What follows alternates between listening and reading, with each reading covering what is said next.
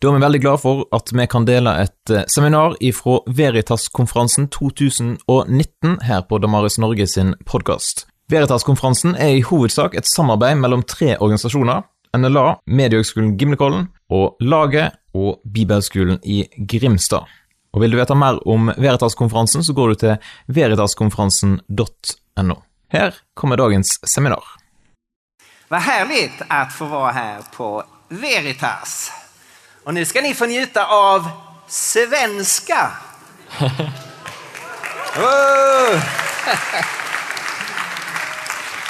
Okej, det verkar ju som om jag åtminstone så långt kommunicerar.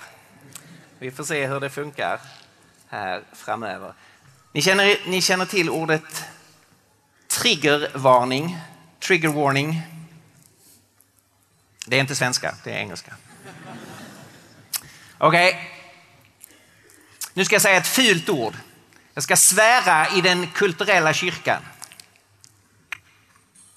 Åtminstone är det så i Sverige. Och det är ordet auktoritet. Det vill vi inte ha med att göra. Vi är ju, vi är ju självständiga, fria människor. Vi vill inte ha någonting över oss. Vi är ju överst själv, eller hur? Frihet, det är ju det vi önskar. Och ska jag vara fri, då ska jag inte ha någonting över mig som hindrar mig, begränsar mig, leder mig, styr mig. Så auktoritet, det är en svordom där jag kommer ifrån.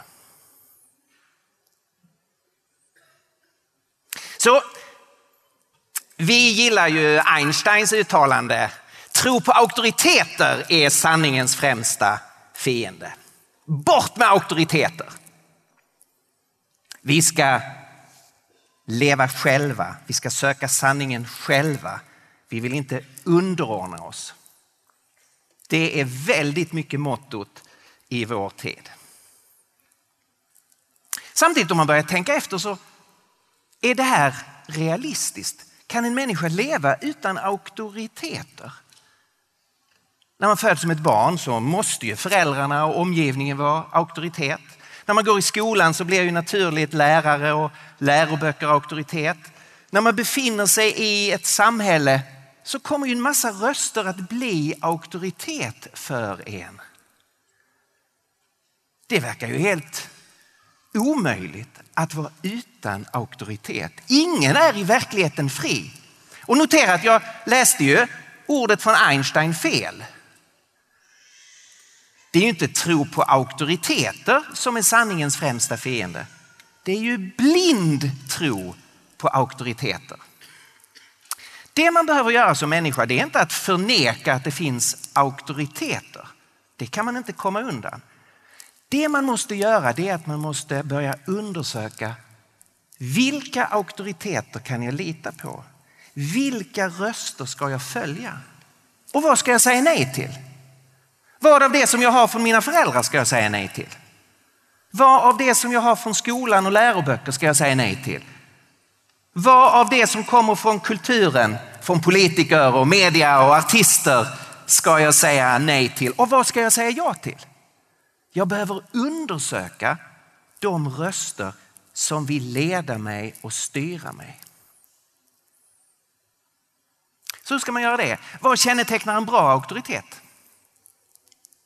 Ja, det är två saker. För det första, en auktoritet måste ha kunskap om det området som det gäller.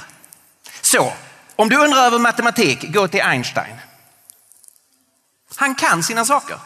Om du undrar över livets mening, var vi kommer ifrån, vart allting är på väg, så vet Einstein inte ett dugg. Det hjälper inte att han är duktig i matematik, han kan ju inte svaret på de här frågorna. Vad gör vi på den här planeten? Han vet inte ett dugg mer än du och jag. Så han är bara en auktoritet där han har kunskap. Och det andra är en auktoritet måste vilja mig väl. Massor med auktoriteter, folk som har en viss kunskap, de vill dig inte väl. De vill ha dina pengar. De vill ha din tid. De vill ha din röst. De vill utnyttja dig, de vill använda dig. De vill styra dig för sina syften, inte för att det ska gå bra för dig. Massor med auktoriteter kan ha ett visst mått av kunskap, men de vill dig inte väl. De struntar i dig. Så det man måste leta efter, det är auktoriteter som vet vad de talar om och som vill dig väl, som vill mig väl. När det gäller matematik, gå till Einstein. När det gäller de stora frågorna, var kommer allting ifrån? Varför finns vi här? Vad ska jag göra med det som är så trasigt inuti mig själv? Vad händer när jag dör? Vart är hela kosmos på väg? Då måste man leta efter någon som vet någonting om det här och som vill mig väl. I kristen tro så är de här texterna en auktoritet. Jag står med en bibel i min hand. 66 böcker, 1000 kapitel, 40 olika författare genom 1500 år. Samlat i en samling av texter som enligt kristen tro kommer från någon som vet någonting om var vi kommer ifrån och som kommer från någon som vill oss väl. Varför i all sin dag ska jag tro att Bibeln är en kommunikation från Gud? Som ju vet allting och som är en god Gud och som älskar oss. Varför ska jag tro att detta är en kommunikation från honom? Är det det så har det förstås auktoritet. Om detta är ett budskap som kommer från Gud, då stämmer det ju med kriterierna för en god auktoritet, eller hur? Gud vet vad han talar om. Gud älskar oss. Jag vill ge dig sex argument för att Bibeln är en kommunikation från Gud och att den därför har auktoritet. Det kommer att gå väldigt snabbt. På varje punkt skulle vi kunna fördjupa oss. Vi skulle kunna säga väldigt mycket mer. Och om du är intresserad av att diskutera det så gör jag det mycket gärna. För det första. Det finns intellektuella argument för att Bibeln är en kommunikation från Gud. Och de handlar om att budskapet i de bibliska texterna förklarar den här världen som vi är en del av. Den bibliska världsbilden är ett unikt, fullständigt unikt perspektiv på vad detta är för en värld och på vad du och jag är för sorts varelser. Bibeln talar om att universum har inte alltid funnits. Det är inte evigt, det har blivit till. Precis det som naturvetenskapen idag säger oss och står så frågande inför. Hur kan ett universum bli till ur ingenting? Och Bibeln ger en förklaring. Det finns någon bortom universum som har orsakat universums tillblivelse. Bibeln ger ett unikt perspektiv på människan. Det här är så egendomligt att det finns en varelse på den här jorden som kan tänka. Var kommer tänkandet ifrån? Hur kan tänkande uppstå ur det icke-tänkande? Här finns en varelse som älskar, som kan välja, som kan skapa. Var kommer det ifrån? Hur kan det från det, från det som är icke-kärlek uppstå kärlek?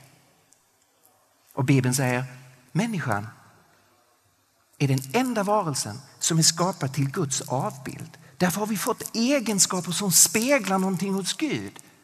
Han är tänkande. Han är logos. Han är kärlek. Han är skapare. Han är frihet. Och så speglar vi honom. Därför har vi den här höga positionen. Därför har vi den här värdigheten. Vi är hans avbilder. Därför har människan värde. Ingen annan livsåskådning ger människan denna höga position. Och kristen tro förklarar världen som fallen. Att någonting har gått fel, någonting har gått sönder.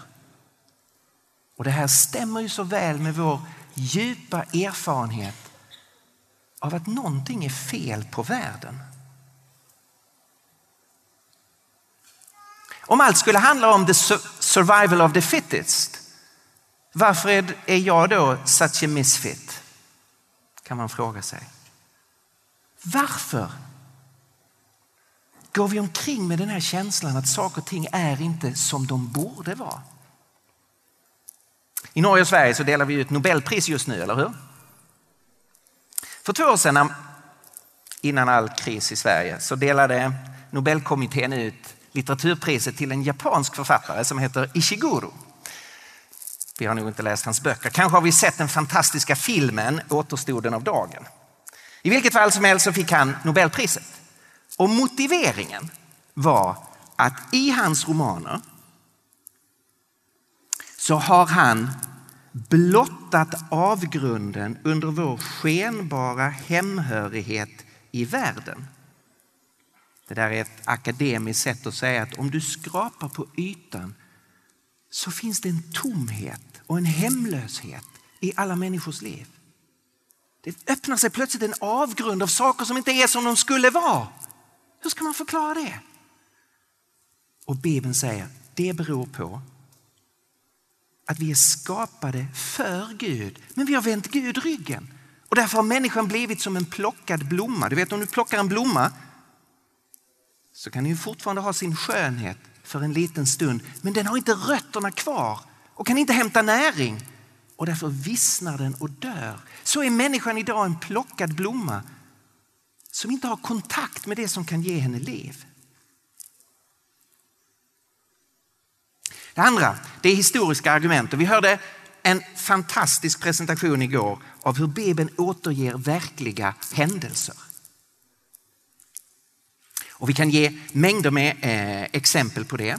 Jag brukar ofta ta upp ett exempel på en babylonisk kung som man inte hade några källor om, men som Bibeln talar om som den sista kungen i Babylon, nämligen eh, Belsassar. Alla andra källor sa att den sista kungen i Babel hette Nabonidus. Men sen hittade man det som kallas för eh, Nabonidus cylinder som berättar att under babyloniska rikets sista tid så hade Babylon två kungar samtidigt. Nabonidus hade upphöjt sin son Belsassa till samregent med sig själv och båda två titulerades kungar. Och idag är det ingen som ifrågasätter att Bibelns berättelse om Belsassar i Daniel 5 skulle vara felaktig. Den stämmer med allt övrigt vi vet om Babylon. Det här är det en annan unik aspekt med Bibeln. Den berättar om verkliga historiska händelser. Vi ska om inte så lång tid läsa julevangeliet och Jesu födelse och om hur Herodes beslutar att döda alla barn i Betlehem, hur Josef och Maria flyr till Egypten. Och så dör Herodes. Och Josef vill ta familjen hem ifrån Egypten. Och Matteus skriver när Josef hörde att Arkelaus nu var ny kung i Judeen efter sin far Herodes vågade han inte återvända dit. Varför inte det? Nu är Herodes borta. Varför vågar han inte återvända utan flyttar istället upp till Galileen i Nasaret? Ja, om vi läser hos Josefus så får vi förklaringen. Arkelaus hade nämligen ställt till med ett enormt blodbad i Jerusalems tempel och dödat över 3000 personer och sen tvingat de övriga upprorsmännen att lämna Jerusalem. Och så skriver eh, Josefus, out of fear of, eh, of somewhat, eh, somewhat worse which would follow. Alltså rädslan präglade Jerusalem och Judeen efter att Arkelaus hade blivit kung. Och det har Josef hört ner i Egypten. Därför blir han rädd. Arkelaus är tydligen precis som sin far Herodes. Och vi kunde fortsätta att titta på många, många andra saker. Att Bibeln är intellektuellt trovärdig bevisar inte att den är en kommunikation från Gud, men det visar att vi rör oss inte bara på religiösa myter och sagor och poesi. Att Bibeln stämmer historiskt visar återigen att det inte bara är legender eller påhitt. Det här är intellektuellt stabilt, det är historiskt förankrat. Det finns ett tredje argument, ett profetiskt argument. Om du börjar läsa i Bibeln så kommer du upptäcka en sak, nämligen att det återkommande kommer ett löfte från Gud där Gud säger en dag ska någonting hända. Och det här är ett löfte som utvecklas och specificeras genom århundraden. Det börjar i kapitel 3 när människan har vänt Gud ryggen. Då säger Gud, den här nya situationen ska inte vara för alltid. En dag ska en kvinna bära ett barn. En dag ska någon födas som ska krossa den onda makten. Alltså det är inifrån själva mänskligheten, det är inte Gud utifrån som ska bara invadera så att säga, utan inifrån mänskligheten ska någonting hända. En människa ska födas. En verklig historisk kvinna ska bära ett barn. Det barnet ska växa upp och det barnet ska krossa ormens, den onda makten. Men ska själv bli ödelagd i det, i det skeendet. Och det här löftet som finns i första Mosebok kapitel 3, en dag ska någon födas, det börjar sen konkretiseras. Det här barnet ska födas i en viss etnisk grupp. Det ska vara en ättling till Abraham. Abraham ska få en son, det ska bli ett folk och i det folket ska någon födas som ska föra välsignelse till alla andra folk. I den etniska gruppen, Abraham, Isak, Jakob och sen de tolv stammarna, så är det i en viss stam detta ska ske, i Judas stam. Där ska barnet födas. I Judas stam så ska det vara en viss släkt, det ska vara i Davids släkt, en ättling till den store kung David. Det här barnet ska födas på en speciell plats, inte i Jerusalem som man skulle kunna förvänta sig, utan i Betlehem. Den lilla platsen Betlehem, den obetydliga byn Betlehem, där ska det ske. Och det ska ske före en viss tidpunkt.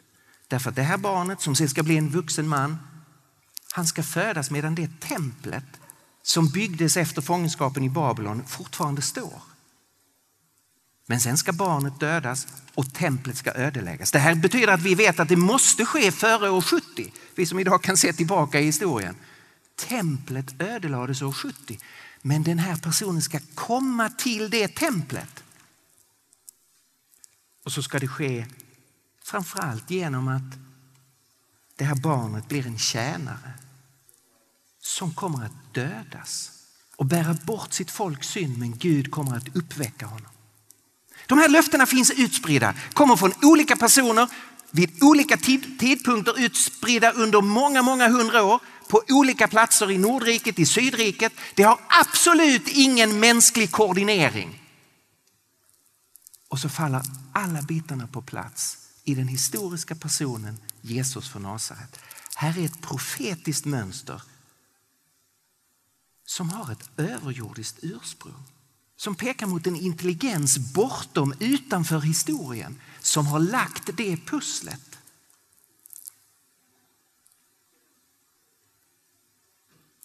För det fjärde.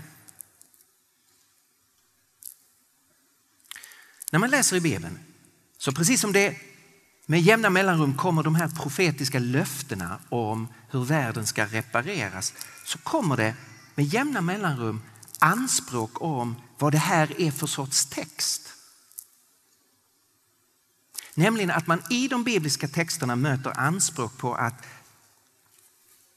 det är förstås människors ord, det är alldeles uppenbart. Alla böckerna nästan bär ju de mänskliga författarnas namn. Det är Moseböcker och Josua bok och Paulus brev och Johannes evangelium och profeten Amos och, så. så. Det är mänskliga böcker. Det har suttit en människa och skrivit vartenda, vartenda ord. Men det finns ett anspråk på att just de här personerna var vägledda av Guds ande. Så att det de i frihet skrev blev exakt det som Gud ville kommunicera. Och man kan sammanfatta de anspråken på följande sätt. De här anspråken finns inte i varje kapitel eller ens i varje bok, men de finns utspridda i de bibliska texterna, nämligen att det finns en Gud som har talat till människor. Det här är ett fantastiskt gott budskap. Det finns en Gud och han är inte autistisk. Han är inte tyst.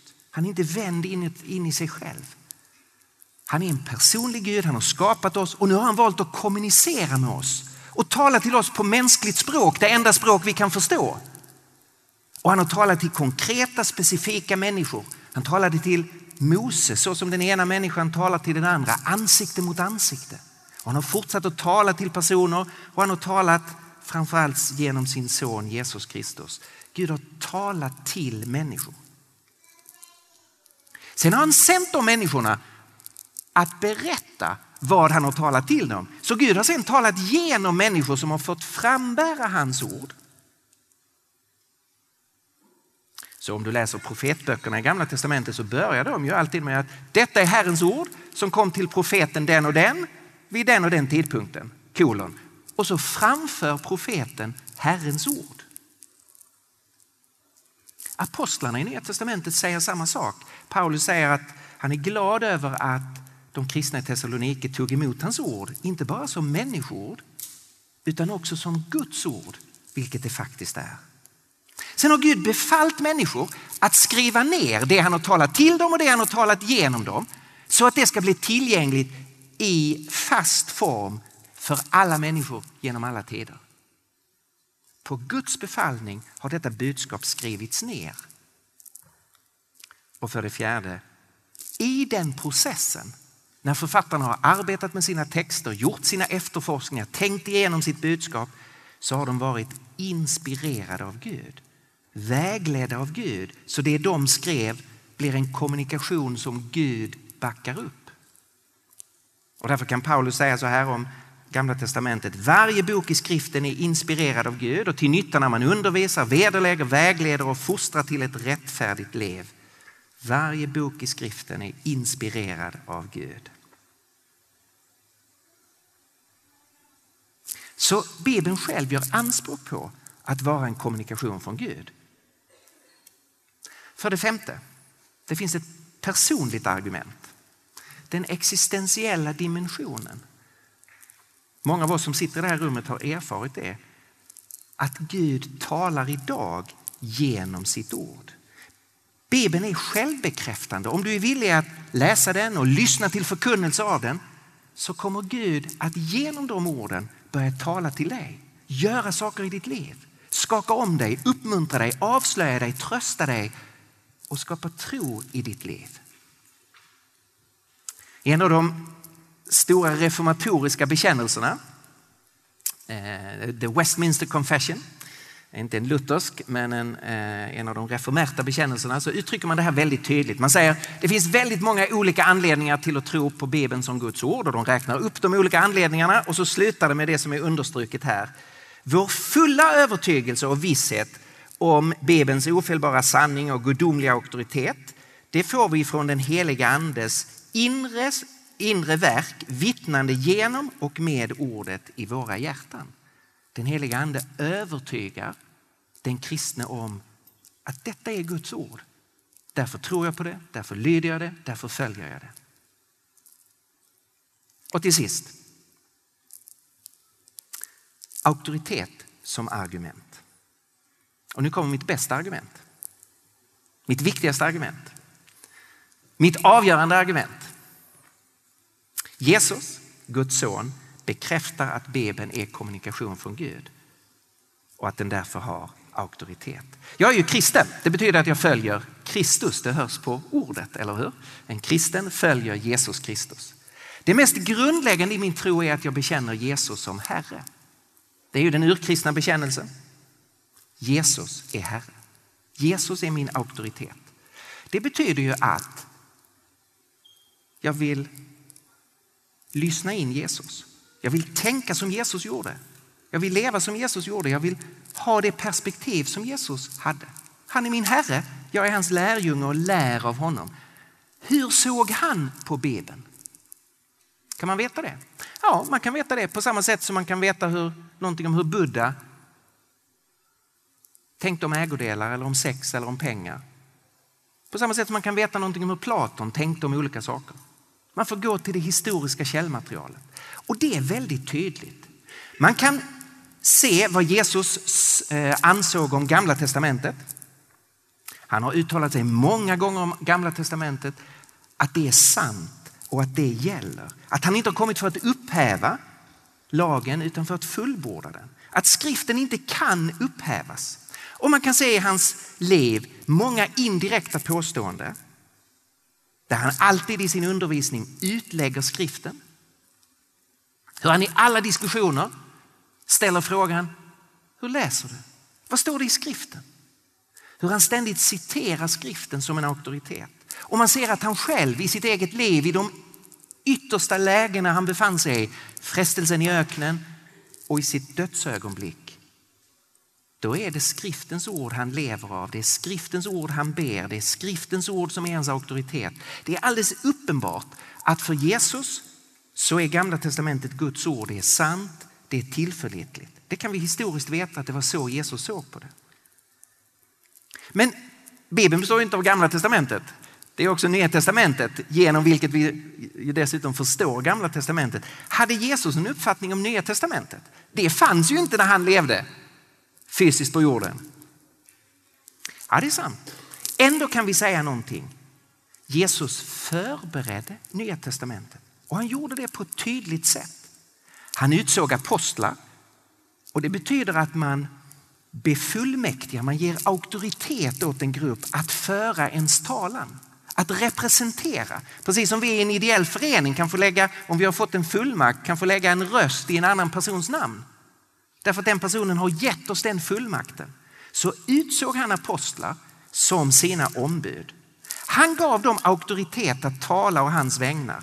Det är inte ni som talar utan er faders ande som ska tala genom er. Han säger den som tar emot er tar emot mig och den som tar emot mig tar emot den som har sänt mig. Så Jesus var sänd av Fadern, Fadern sände apostlarna och de fick representera honom. Och de fick ett unikt löfte om den heliga ande. Att ni kan ännu inte ta emot allt jag har att ge er, men när anden kommer så ska han leda er till hela sanningen. Det är ett löfte inte gett till dig och mig, det är ett löfte gett till apostlarna. Så Jesus ger Nya Testamentet auktoritet. Så slutsatsen här är, jag tror att Jesus är Herre, jag tror att Jesus är Guds son. Han bekräftar Gamla Testamentet, han förbereder Nya Testamentet och på hans ord har jag Bibeln som auktoritet. Det följer av att jag är kristen. Så logiken här är att bibeltro följer av Jesus tro. Om jag tror på Jesus som en konsekvens bör jag därför tro på Bibeln. Så, här har ni argumenten. Varför tror vi att Bibeln är kommunikation från Gud och därför har auktoritet? Därför att det är intellektuellt sammanhängande och trovärdigt. Därför att det är förankrat i historien. Därför att det finns ett profetiskt mönster som ingen mänsklig tanke har kunnat lägga. Därför att det stämmer med vad bibelböckerna själva säger.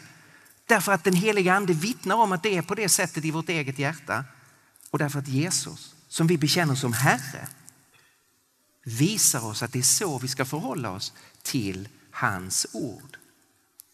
Så Jesus är vårt främsta argument för att tro på Bibeln. Och då blir det ju helt avgörande, varför ska vi tro på Jesus? Det är ju det vi måste förstås undersöka och här kommer ju jättemycket apologetik, trosförsvar in, eller hur?